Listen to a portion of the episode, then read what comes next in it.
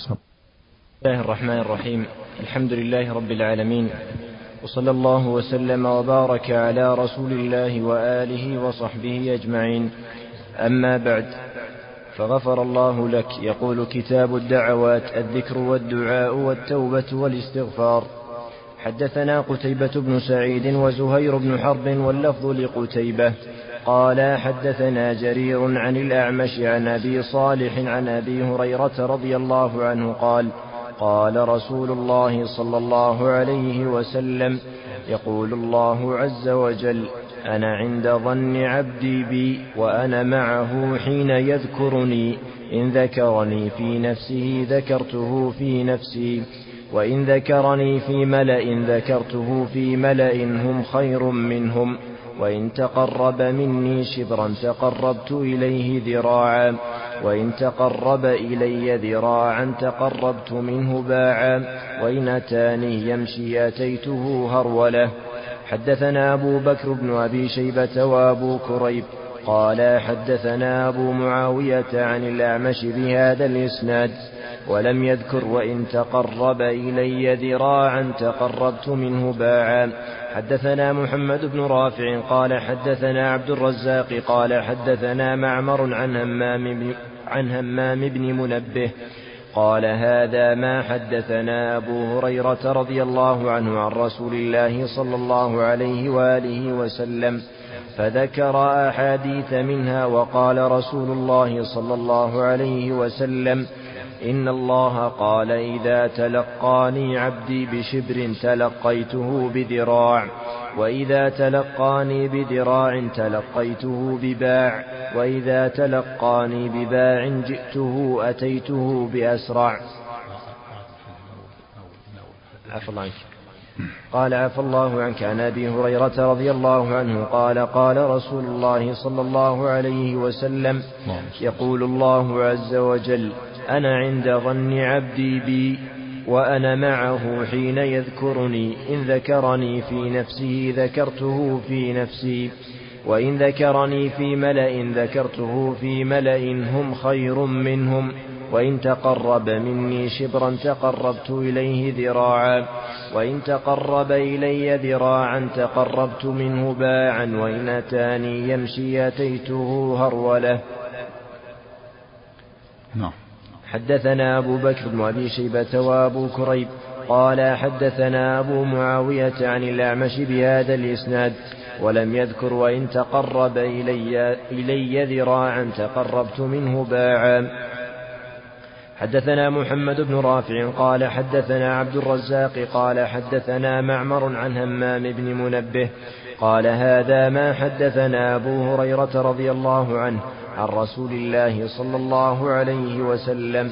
فذكر أحاديث منها وقال رسول الله صلى الله عليه وسلم إن الله قال إذا تلقاني عبدي بشبر تلقيته بذراع وإذا تلقاني بذراع تلقيته بباع وإذا تلقاني بباع جئته وأتيته بأسرع حدثنا أمية بن بسم الله الرحمن الرحيم الحمد لله رب العالمين وصلى الله وسلم وبارك على عبد الله ورسوله نبينا محمد وعلى آله وصحبه أجمعين أما بعد هذا الحديث حديث قدسي يرويه الرسول صلى الله عليه وسلم عن ربه عز وجل هو من كلام الله لفظا ومعنى الله تعالى تكلم به لفظا ومعنى مثل القرآن القدسي منسوب إلى قدسية الرب سبحانه وتعالى فالرسول يروي عن ربه وقال الله تعالى أنا عند ظن عبدي بي والحديث القدسي من كلامه تكلم الله به لفظا وبعضا مثل حديث أبي ذر فيما يروي عن ربه عز وجل أن الله تعالى قال يا عبادي إني حرمت الظلم على نفسي وجعلته بينكم محرما فلا تظالموا أما الحديث الأخرى فهي من كلام من كلام الرسول صلى الله عليه وسلم لفظا فهي من الله معنى ومن الرسول لفظا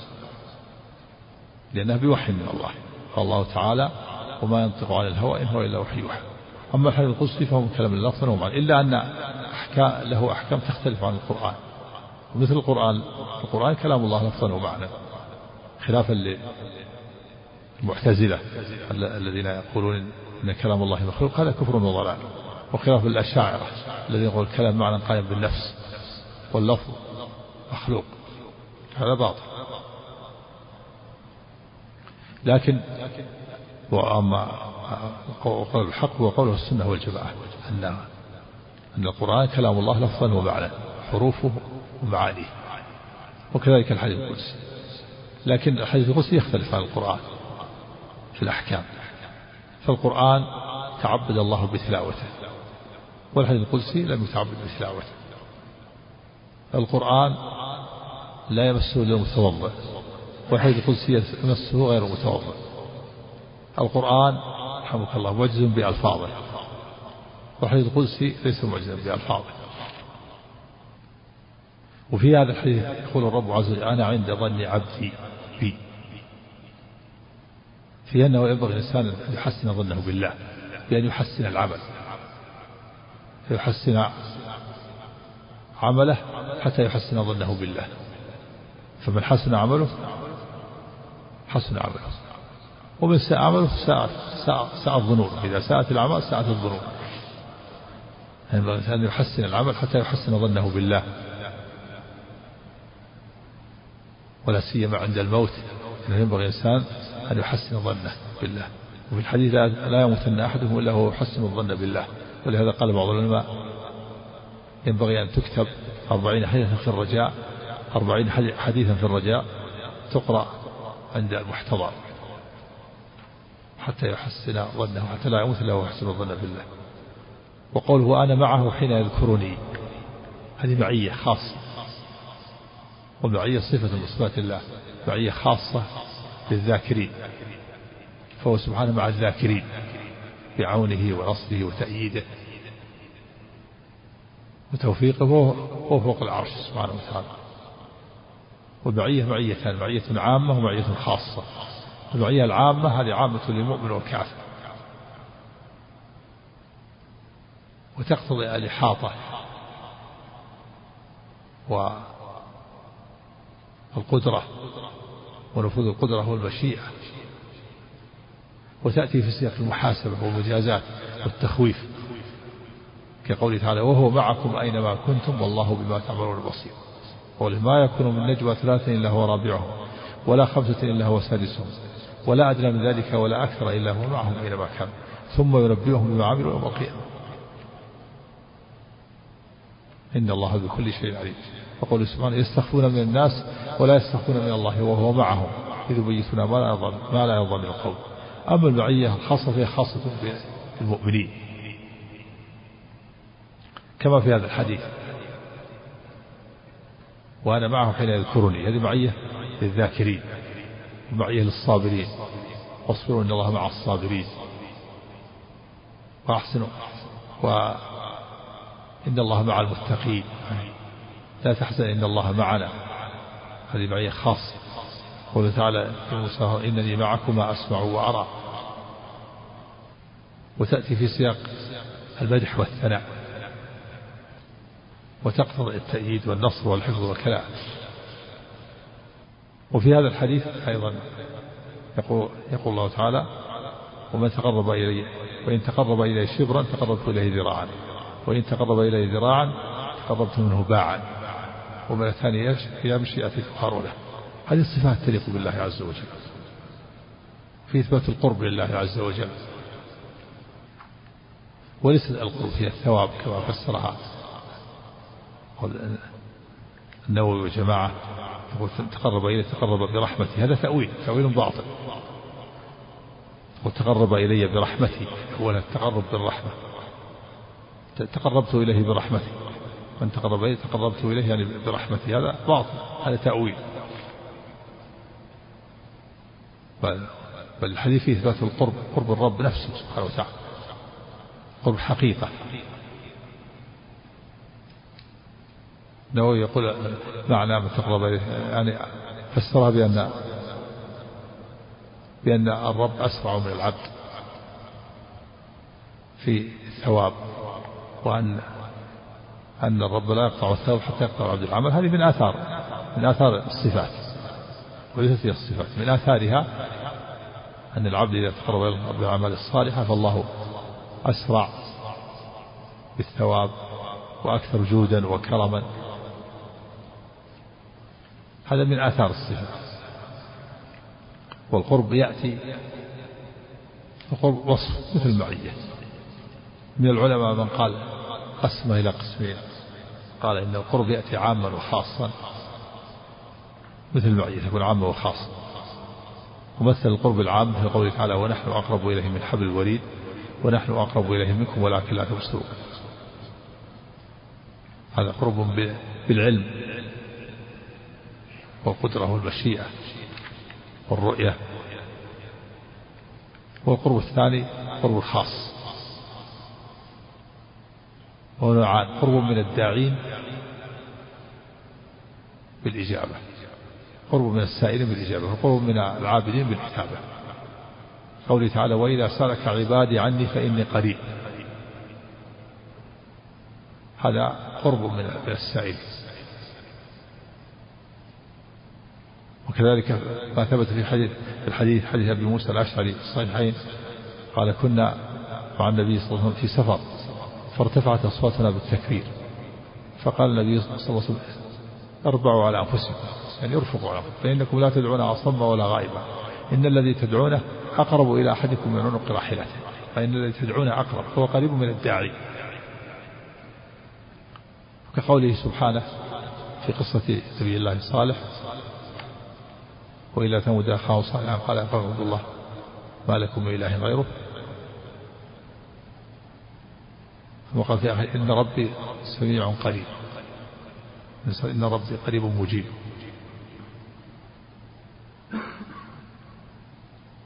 فهو سبحانه وتعالى قريب مجيب للسائلين وإلى ثمود أخاهم صالحا قال قوم الله ما لكم من إله غيره واستغفروا ربكم ثم توبوا إليه إن ربي قريب مجيب فهو قريب مجيب من المستغفرين التائبين كما أنه رحيم ودود بهم كما قال في قصة شعيب استغفر ثم ثم توبوا إليه إن ربي رحيم ودود وكما قال سبحانه واسجد واقترب هذا الحديث فيه إثبات القرب لله عز وجل القرب الحقيقي قال شيخ الإسلام ابن تيمية رحمه الله إن القرب لا يأتي إلا خاص ولا يأتي عام وذهب إلى هذا ابن القيم وقالوا إن إن قوله تعالى ونحن أقرب إليه من حبل الوريد هذا الحديث فيه إثبات القرب لله عز وجل القرب الحقيقي قال الشيخ الإسلام ابن تيمية رحمه الله إن القرب لا يأتي إلا خاص ولا يأتي عام وذهب إلى هذا ابن القيم وقالوا إن إن قوله تعالى ونحن أقرب إليه من حبل الوريد هذا قرب الملائكة قالوا قرب الملائكة أقرب إلى العبد من حبل الوريد بدليل أنه قيده بوقت تلقي الملكين فقال ونحن أقرب إليه من حبل الوريد إذ يتلقى المتلقيان يعني حين تلقي المتلقيان وهم الملكان فدل على أنه قرب الملائكة ولا يأتي القرب عاما كما تأتي المعية وكذلك قوله تعالى ونحن أقرب إليه منكم ولكن لا تبصرون هذا قرب الملائكة أقرب إلى الميت نحن أقرب يعني بملائكتنا نحن أقرب إلى إلى المحتضر منكم ولكن لا تبصرون الملائكة ومن العلماء من قال أن القرب يكون عام وخاص مثل المعية و وقرب الشيء قرب الشيء من الشيء يلزم منه قرب الآخر قرب الشيء من الشيء يلزم منه قرب الآخر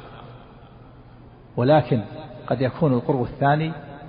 لازما للقرب الأول من دون أن يكون من الثاني فعل وقد يكون من الثاني فعل مثال الأول القرب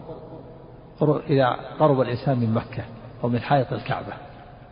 فإن مكة تقرب منه وحائط الكعبة يقرب منه من غير أن يكون من مكة فعل ومثال مثال الثاني أن يكون الثاني منه تقرب إلى الأول إذا تقرب منه وهذا مثل ما جاء في الآيات هذا ذكر أن هذا دلت عليه آيات كثيرة تقرب 500 آية الآية التي فيها القرب والرجوع إلى الله واللقاء مثل قوله تعالى مثل مثل ما ما في هذا الحديث من تقرب إن تقرب إليه شبرا تقربه باعا ومثل الحديث القدسي وما تقرب إلي عبدي بشيء أحب إلي من الدائم افترضته عليه وفي قوله تعالى عين يستر بها المقربون فأما إن كان من المقربين لن يستكنون السحر يكون عبدا الله ولا الملائكة المقربون أولئك الذين يدعون يبتغون إلى ربهم وسيلة أيهم أقرب فقرب الرب من العبد نوعان قرب لازم من قرب العبد من غير أن يكون من الرب فعل والنوع الثاني قرب الرب من العبد فعل يفعله سبحانه كالنزول والإتيان والمجيء بهذا يتبين أن أن هذا الحديث فيه إثبات القرب للرب عز وجل وأنه صفة من صفاته مثل المعية وأن القرب يكون عام وخاص كالمعية تكون عام وخاص وأما تفسير النووي قول تقرب إلى من تقرب إلي شيء تقربت إليه تقربت برحمته برحمتي هذا تأويل باطل لا وجه له وكذلك أيضا نقول بأن مع الحديث أن أن الله تعالى أسرع بالخير من العبد وأن الرب لا يقطع الثوب حتى يقطع العبد العمل هذا أثر من أثر الصفات وثمرة من ثمرات الصفات من ثمرات هذه الصفات أن الله تعالى أقرب إلى الخير من العبد وأسرع وأكثر جودا نعم نعم أحسن الله عليك في إثبات النفس للرب عز وجل في الحديث إثبات النفس ذكر في نفسي ذكرته في نفسي كما قال سبحانه تعلم ما في نفسي ولا أعلم ما في نفسك الحديث فيه إثبات أن لله نفسا كما كالآية الكريمة نعم من العلماء قال أنها صفة الصفات ومنهم من قال هي هي هي الذات وهذا هو الأقرب أن النفس هي توصف بالصفات نعم ذكر بعضهم في بعض كتب العقائد ذكر في الاقتصاد في الاعتقاد قال إن إنما إن الله نفسا هي صفة من صفاته والصواب أن النفس النفس والذات معنى واحد نعم ها الولاء لا ما يشتق ما يشتق هرولة وما تشتق ما يقال من صفات الله الذراع والباع والهرولة ولا يقال من صفة الله المكر هذه الصفة التي تبقى على لفظها يقال إن الله يمكر بالماكرين ولا يقال من صفة الله الماكر ولا يقال من صفات الله المكر بالإطلاق فقد يمكر الله بالماكرين ويقال ان تقرب الى الله الشر وان تقرب اليه باعه ومن اتاه يمشي اتاه هروله على لفظ الحديث من اتى الله يمشي اتاه هروله ولا يقال من صفات الله الهروله باطلاق الصفات الفعليه تبقى على الصفات تبقى على على ما ورد به النص الله يستهزئ بهم ويمدهم في طغيانهم يعمهون ما تشتق ما تقول من صفات الله المستهزئ فتقول الله يستهزئ بالمنافقين الذين يستهزئون بالمؤمنين ولا تقول من صفات الله الماكر ولا تقول من صفات الله المكر بإطلاق المكر قد يكون مذموم وقد يكون ممدوح يكون ممدوح مدح صفة مدح إذا كان في مجازات الماكر ويكون صفة ذم إذا كان بدون مجازاة فلا تكون فيقول إن الله يمكر بالماكرين يكيد الكائدين يخدع المخادعين يستهزئ بما يستهزئ المؤمنين من أتاه يمشي أتاه هرولة نعم نعم إيه، الحديث الثاني هذا التلقي أقرأ الحديث اللي بعد هذا الحديث نعم. قال حدثنا محمد بن رافع قال حدثنا عبد الرزاق قال حدثنا معمر عن همام بن عن همام بن منبه قال هذا ما حدثنا أبو هريرة عن رسول الله صلى الله عليه وسلم فذكر أحاديث منها وقال رسول الله صلى الله عليه وسلم إن الله قال إذا تلقاني عبدي بشبر تلقيته بذراع وإذا تلقاني بذراع تلقيته بباع وإذا تلقاني بباع جئته أتيته بأسرع نعم في إثبات المجيء صفة المجيء والصفة التي الإتيان وصفة التلقي لمن تلقاه تلقي في إثبات أن الله يتلقى من تلقاه نعم أحسن الله عليك حدثنا أمية بن بسطام العيشي قال حدثنا يزيد يزيد يعني بن زريع قال حدثنا روح بن القاسم عن العلاء عن أبيه عن أبي هريرة رضي الله عنه قال كان رسول الله صلى الله عليه وسلم يسير في طريق مكة فمر على جبل يقال, يقال له جمدان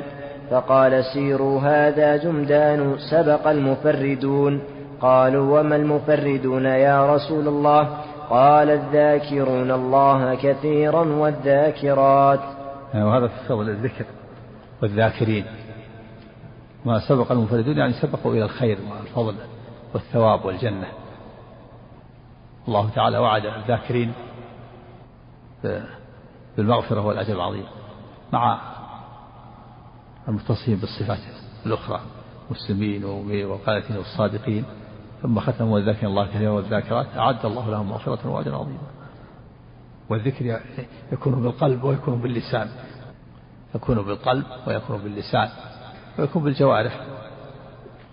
العبادات كلها ذكر لله فالمصلي ذاكر لله والصائم ذاكر لله جوارح قال بعضهم الذكر يكون بالقلب يكون نوعان يكون تعظيم الله وخشيته وإجلاله و... والاعتبار ب... بآياته ودلائل مخلوقاته ويكون أيضا الذكر يكون الذكر بالقلب بالأوامر تذكر الأوامر الذكر بالأوامر والنواهي يتذكر الأوامر فيفعلها والنواهي فيتركها ويكون الذكر باللسان التسبيح والتحميد والتهليل لكن إذا كان ذكر باللسان بدون بدون حضور القلب هذا يكون ضعيف ذكر ضعيف وإذا كان مع مع ذكر القلب مع ذكر القلب وذكر اللسان يذكر الله بلسانه مع تعظيم الله وخشيته وتدبره فهذا هو هذا هو الأنفع وهذا هو الأفضل وهذا هو الذي يترتب عليه الثواب الكثير وذكر القلب باللسان وهذا كما جاء في الحديث ألا أنبئكم بخير أعمالكم وأزكاها عند مليككم وخير لكم الإنفاق الذهب والفضة وخير لكم من أن تلقوا عدوكم فيضربوا أعناقكم وتضربوا أعناقكم قالوا ولا يصح ذكر الله هنا الذكر صار أفضل من الجهاد من الصدقة وخير الأعمال قال العلماء المراد بالذكر هنا الذكر مع مع الخشية والتعظيم والإجلال حضور القلب أما ذكر بدون مع الغفلة والإعراض فهذا الجهاد أفضل منه وبهذا يزول الإشكال يكون الذكر هذا اللي فضل على الجهاد هو الذكر مع القلب ذكر بالقلب واللسان ذكر مع مع مع الخشية والإجلال والتعظيم والإخلاص والصدق والمحبة نعم أحسن الله عليك حدثنا عمرو الناقد وزهير بن حرب وابن أبي عمر جميعا عن سفيان واللفظ لعمر قال حدثنا سفيان بن عيينة عن, عن أبي الزناد عن الأعرج عن أبي هريرة رضي الله عنه عن النبي صلى الله عليه وسلم قال لله تسعة, وت... لله تسعة وتسعون اسما من حفظها دخل الجنة وإن الله وتر يحب الوتر وفي رواية ابن أبي عمر من أحصاها حدثني محمد بن رافع قال حدثنا عبد الرزاق قال حدثنا معمر عن أيوب عن ابن سيرين عن أبي هريرة رضي الله عنه وعن همام بن منبه عن أبي هريرة رضي الله عنه عن النبي صلى الله عليه وسلم قال إن لله تسعة وتسعين اسما مئة إلا واحدا من أحصاها دخل الجنة وزاد همام عن أبي هريرة رضي الله عنه عن النبي صلى الله عليه وسلم إنه وتر يحب الوتر نعم هذا هذه فيه إثبات هذه الأسماء الموصوفة بهذا الوصف من تسعة وتسعين موصوفة بأن ما أحصاها دخل الجنة وليس المراد حصر أسماء الله في تسعة وتسعين بل أسماء الله كثيرة بدليل حديث ابن مسعود أسألك اللهم بكل اسم هو لك سميت به نفسك أو أنزلته في كتابك أو علمته أحدا من خلقك أو استأثرت به في علم الغيب عندك إذا له أسماء كثيرة سمى سمى بنفسه أو أنزله في كتابه أو علمه أحدا أو في أسماء استأثر به في علم الغيب عنده حتى قيل إن لله ألف اسم نقل ذلك أبو بكر ابن العربي عن بعضهم أما هذا الحديث فالمراد به أن لله 99 اسما موصوفة بأن من أحصاها دخل الجنة واختلف العلماء في معنى من أحصاها فقيل أحصاؤها عدها وقيل حفظها وقيل العمل بها والصواب أن أن هذه الأمور كلها مرادة إحصاؤها بعدها تعدادها وتطلبها من من النصوص وحفظها والعمل بها والصواب أنها غير معروفة غير محددة والحكمة في إخفائها حتى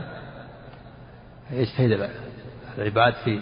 تعرفها وتطلبها من النصوص كما أخفيت ساعة الجمعة وكما أخفيت ليلة القدر في العشر الأخير من رمضان وأما سردها في بعض الأحاديث فهو مدرج كما قال الحافظ في البلوغ والصواب أن سردها مدرج من بعض الرواة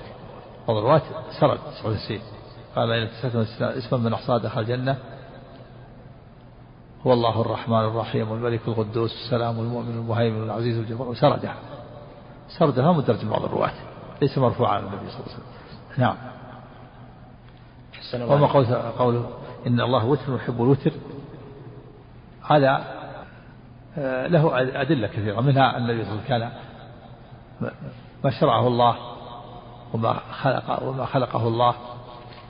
بعض مخلوقاته وبعض ما شرعه وتر كما في الحديث كان النبي صلى الله عليه وسلم كان يأكل قبل العيد ثمرات وترا والسماوات سبع وتر والأرض سبع وتر والطواف والبيت سبع وتر إلا بعد الذي أنه شفع من صلاة الظهر والعصر والعشاء أربع شفع نعم أحسن الله وهل يقال من أسماء الله الوتر إن الله وتر يحب الوتر هذا هو الظاهر لأن الله لأن النبي صلى الله عليه وسلم أطلق هذا على قال إن الله وتر إن الله جميل يحب الجمال يضيفون يحب النظافة نعم ها إذا ثبت أنه اسم من أسماء الله نعم يعبد نعم عفى الله عنك حدثنا أبو بكر بن أبي شيبة وزهير بن حرب جميعا عن ابن علية قال أبو بكر حدثنا إسماعيل بن علية عن عبد العزيز بن صهيب عن انس رضي الله عنه قال قال رسول الله صلى الله عليه وسلم اذا دعا احدكم فليعزم في الدعاء ولا يقل اللهم ان شئت فاعطني فان الله لا مستكره له حدثنا يحيى بن ايوب وقتيبه وابن حجر قالوا حدثنا اسماعيل يعنون ابن جعفر عن العلاء عن ابيه عن ابي هريره رضي الله عنه أن رسول الله صلى الله عليه وسلم قال إذا دعا أحدكم فلا يقل اللهم اغفر لي إن شئت ولكن ليعزم المسألة وليعظم الرغبة فإن الله لا يتعاظمه شيء أعطاه نعم وهذا الحديث فيه النهي عن الاستثناء في الدعاء وأنه لا يستثني ويقول اللهم اغفر لي إن شئت اللهم ارحمني إن شئت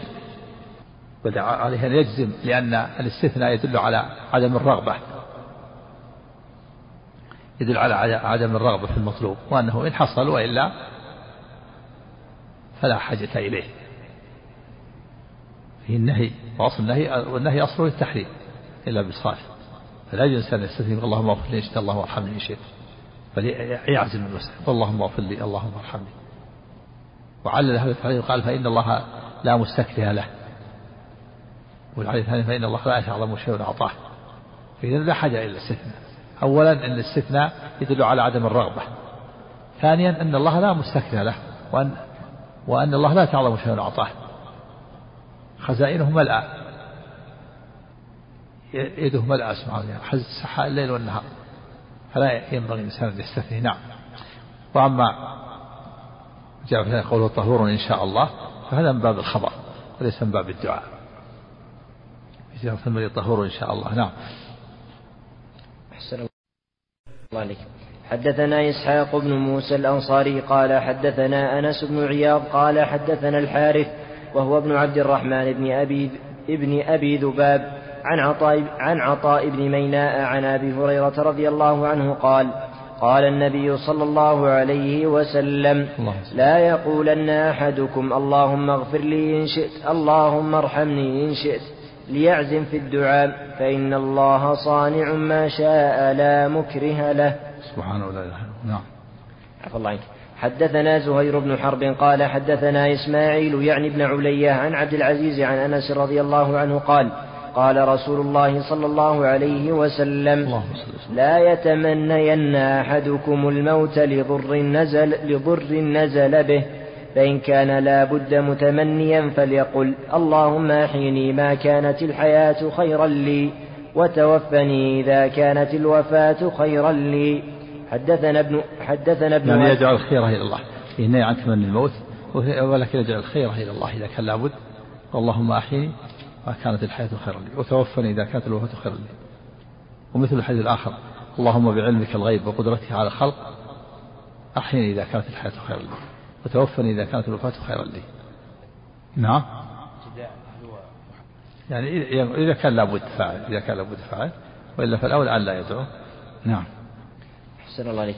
حدثنا ابن أبي خلف قال حدثنا روح قال حدثنا شعبة حاء وحدثني زهير بن حرب قال حدثنا عفان قال حدثنا حماد يعني ابن سلمة كلاهما عن ثابت عن أنس رضي الله عنه عن, عن النبي صلى الله عليه وسلم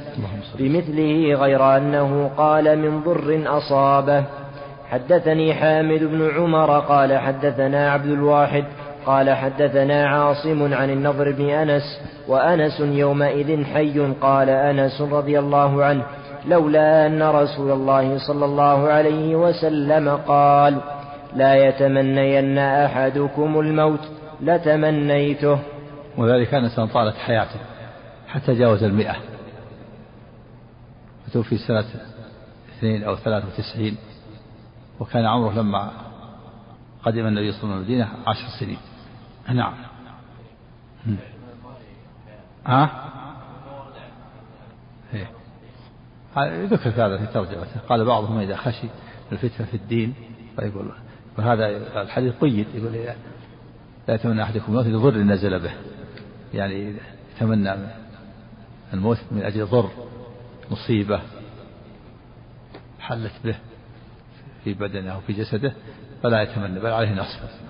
أما إذا كان خشي الفتنة في الدين فلا بأس لأن هذا فعله جماعة من السلف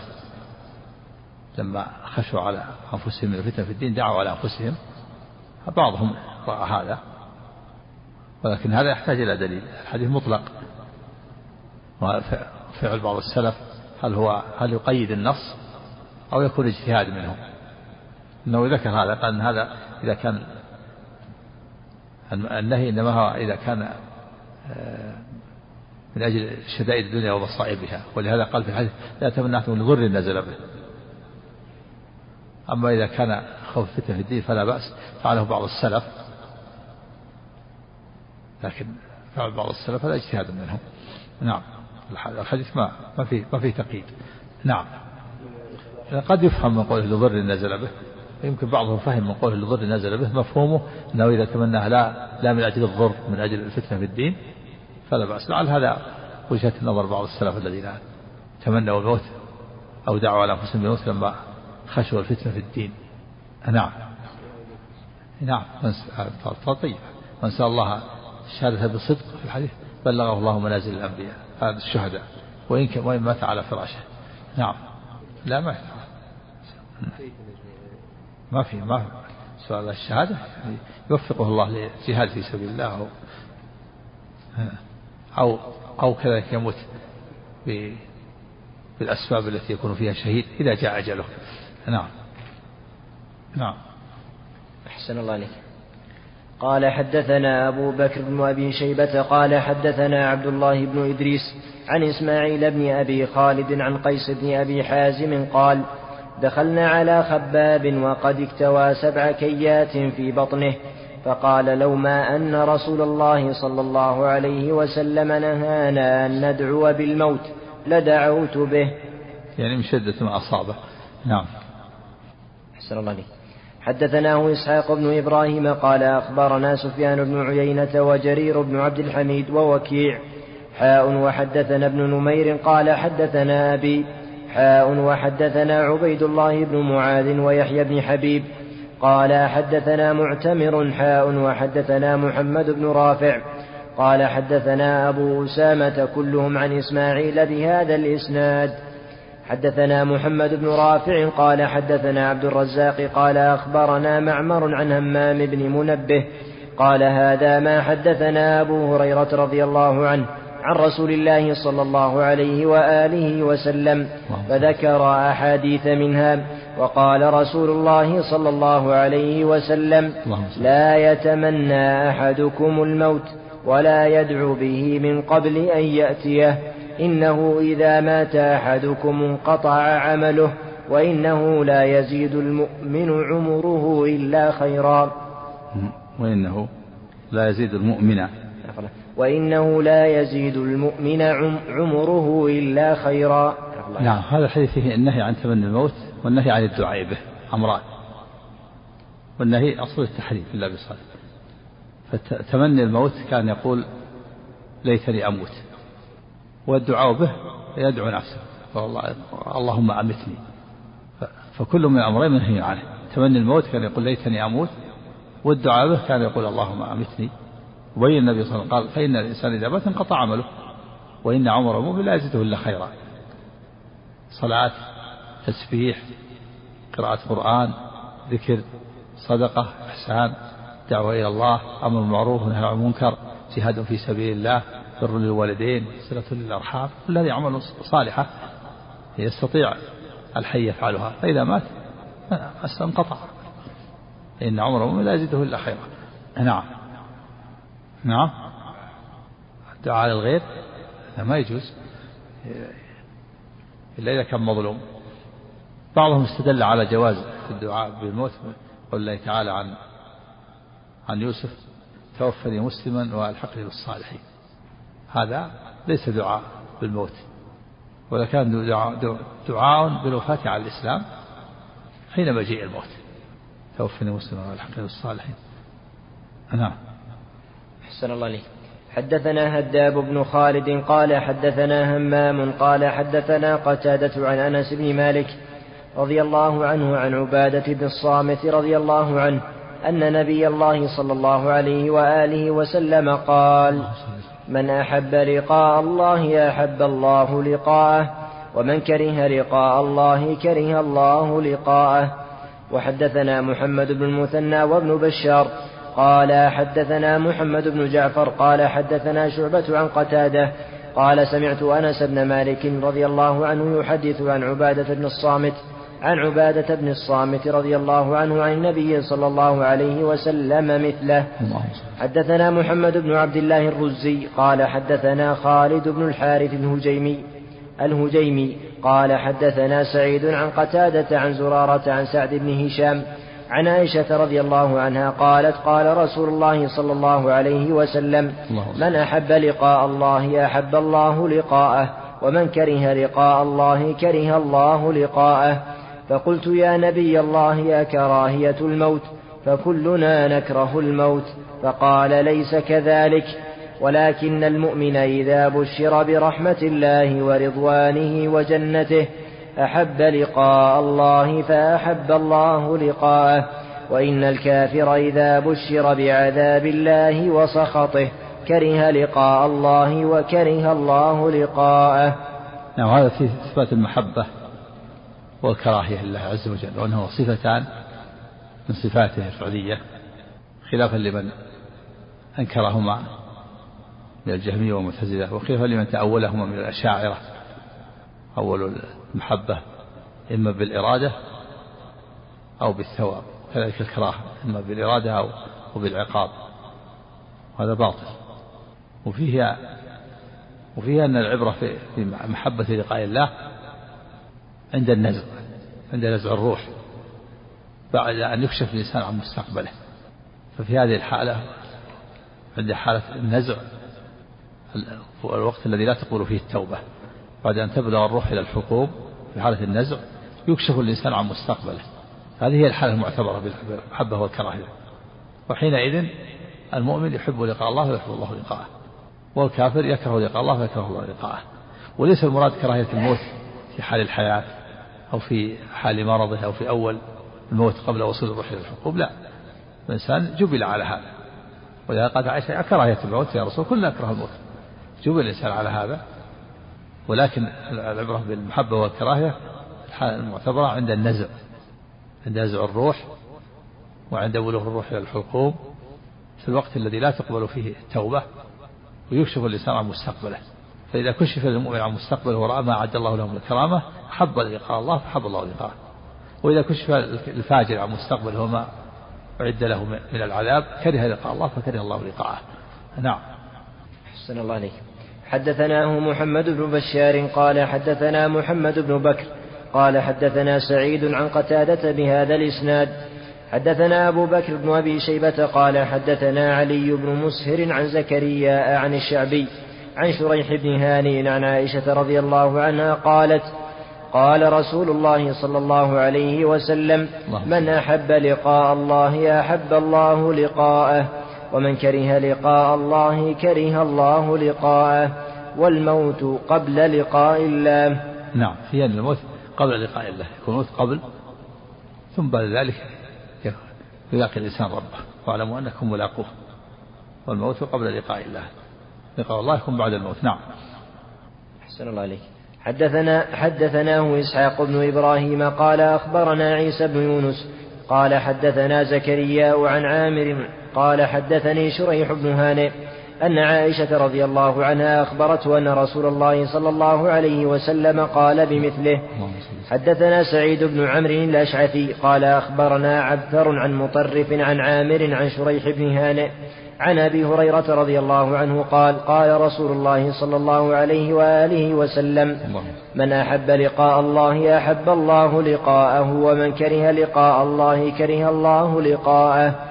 قال فاتيت عائشه رضي الله عنها فقلت يا ام المؤمنين سمعت ابا هريره يذكر عن رسول الله صلى الله عليه واله وسلم حديثا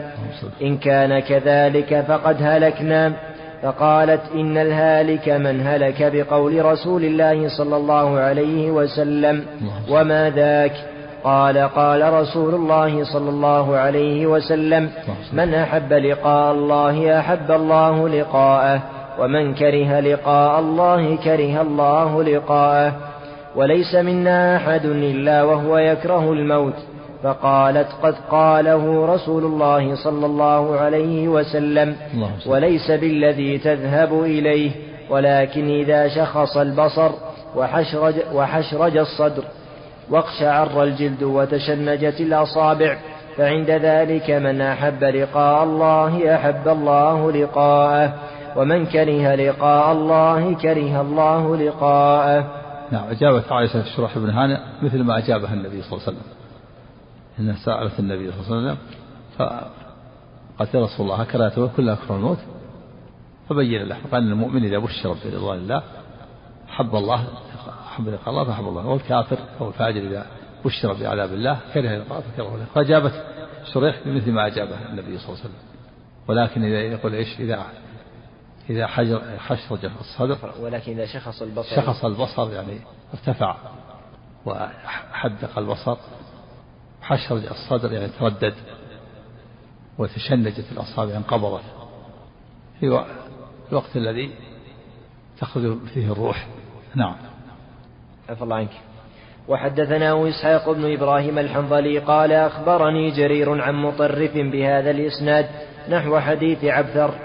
حدثنا أبو بكر بن أبي شيبة وأبو عامر الأشعري وأبو كريب قالوا حدثنا أبو أسامة عن بريد عن أبي بردة عن أبي موسى رضي الله عنه عن النبي صلى الله عليه وآله وسلم قال من أحب لقاء الله أحب الله لقاءه ومن كره لقاء الله كره الله لقاءه حدثنا أبو كريب محمد بن العلاء قال حدثنا وكيع عن جعفر هذا الحديث جمع جماعة من الصحابة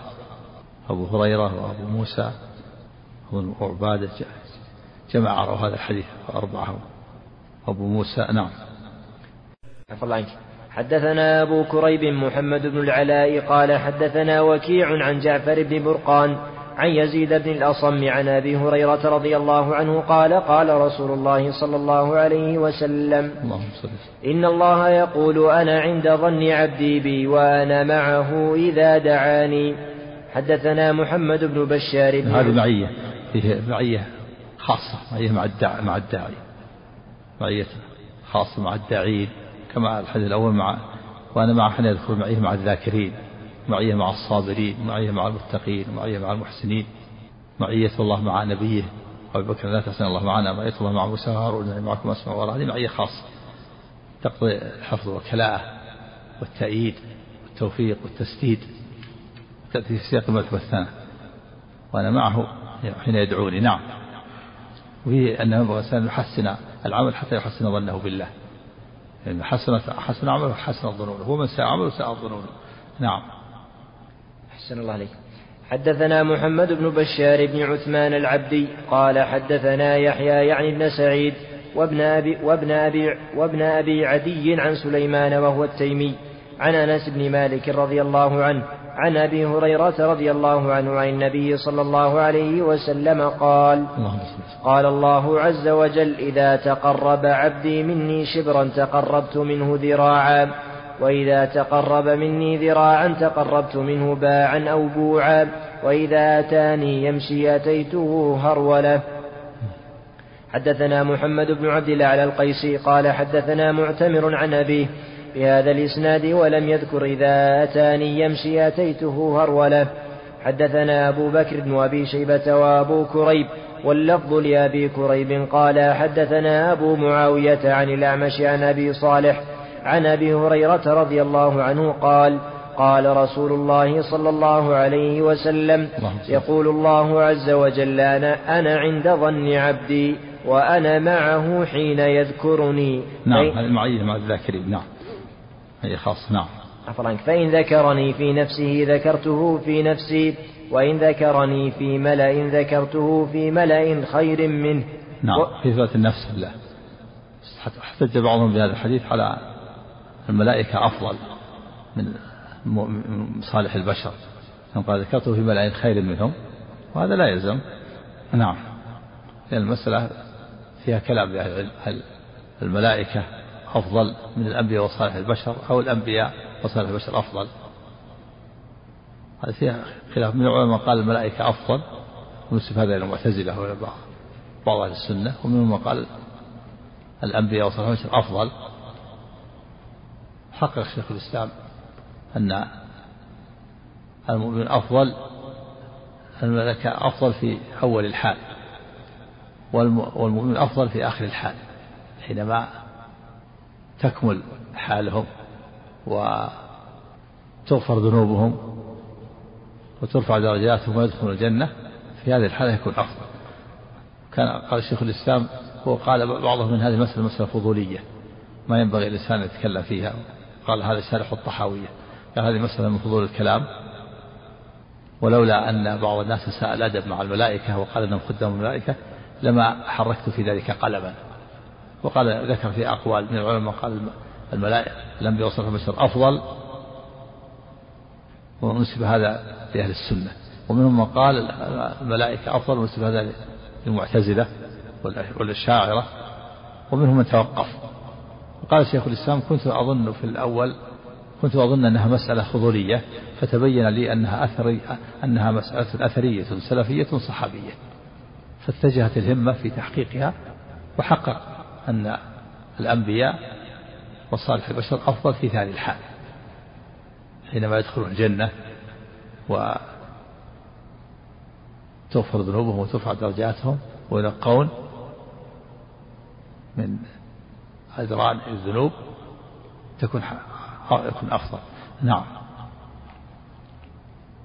بعضهم تعلق وذكرت في ملأ خير منهم قال هذا يجعل الملائكة خير من من بني آدم أو من من المؤمنين نعم حسن الله لي وإن اقترب إلي شبرا تقربت إليه ذراعا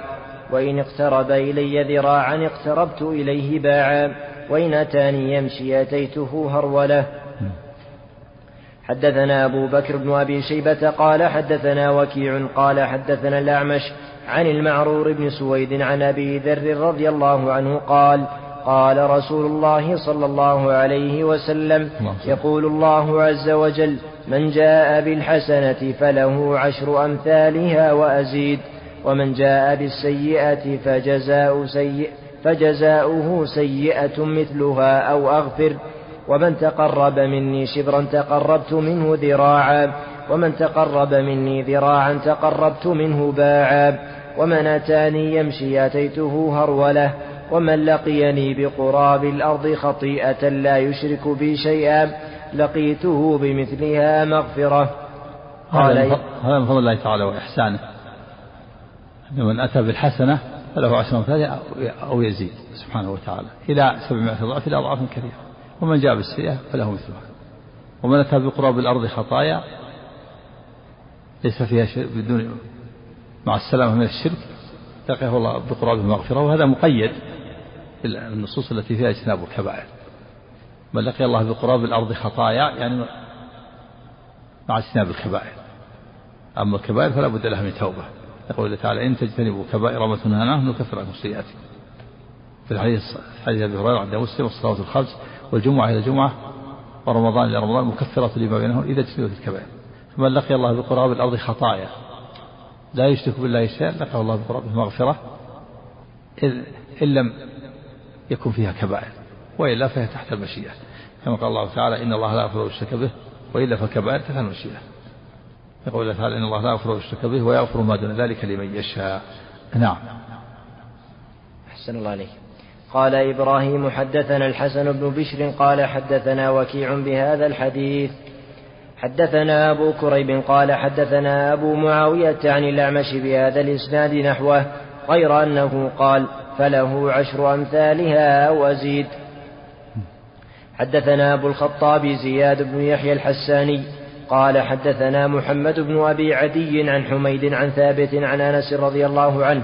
أن رسول الله صلى الله عليه وسلم عاد رجلا من المسلمين قد خفت فصار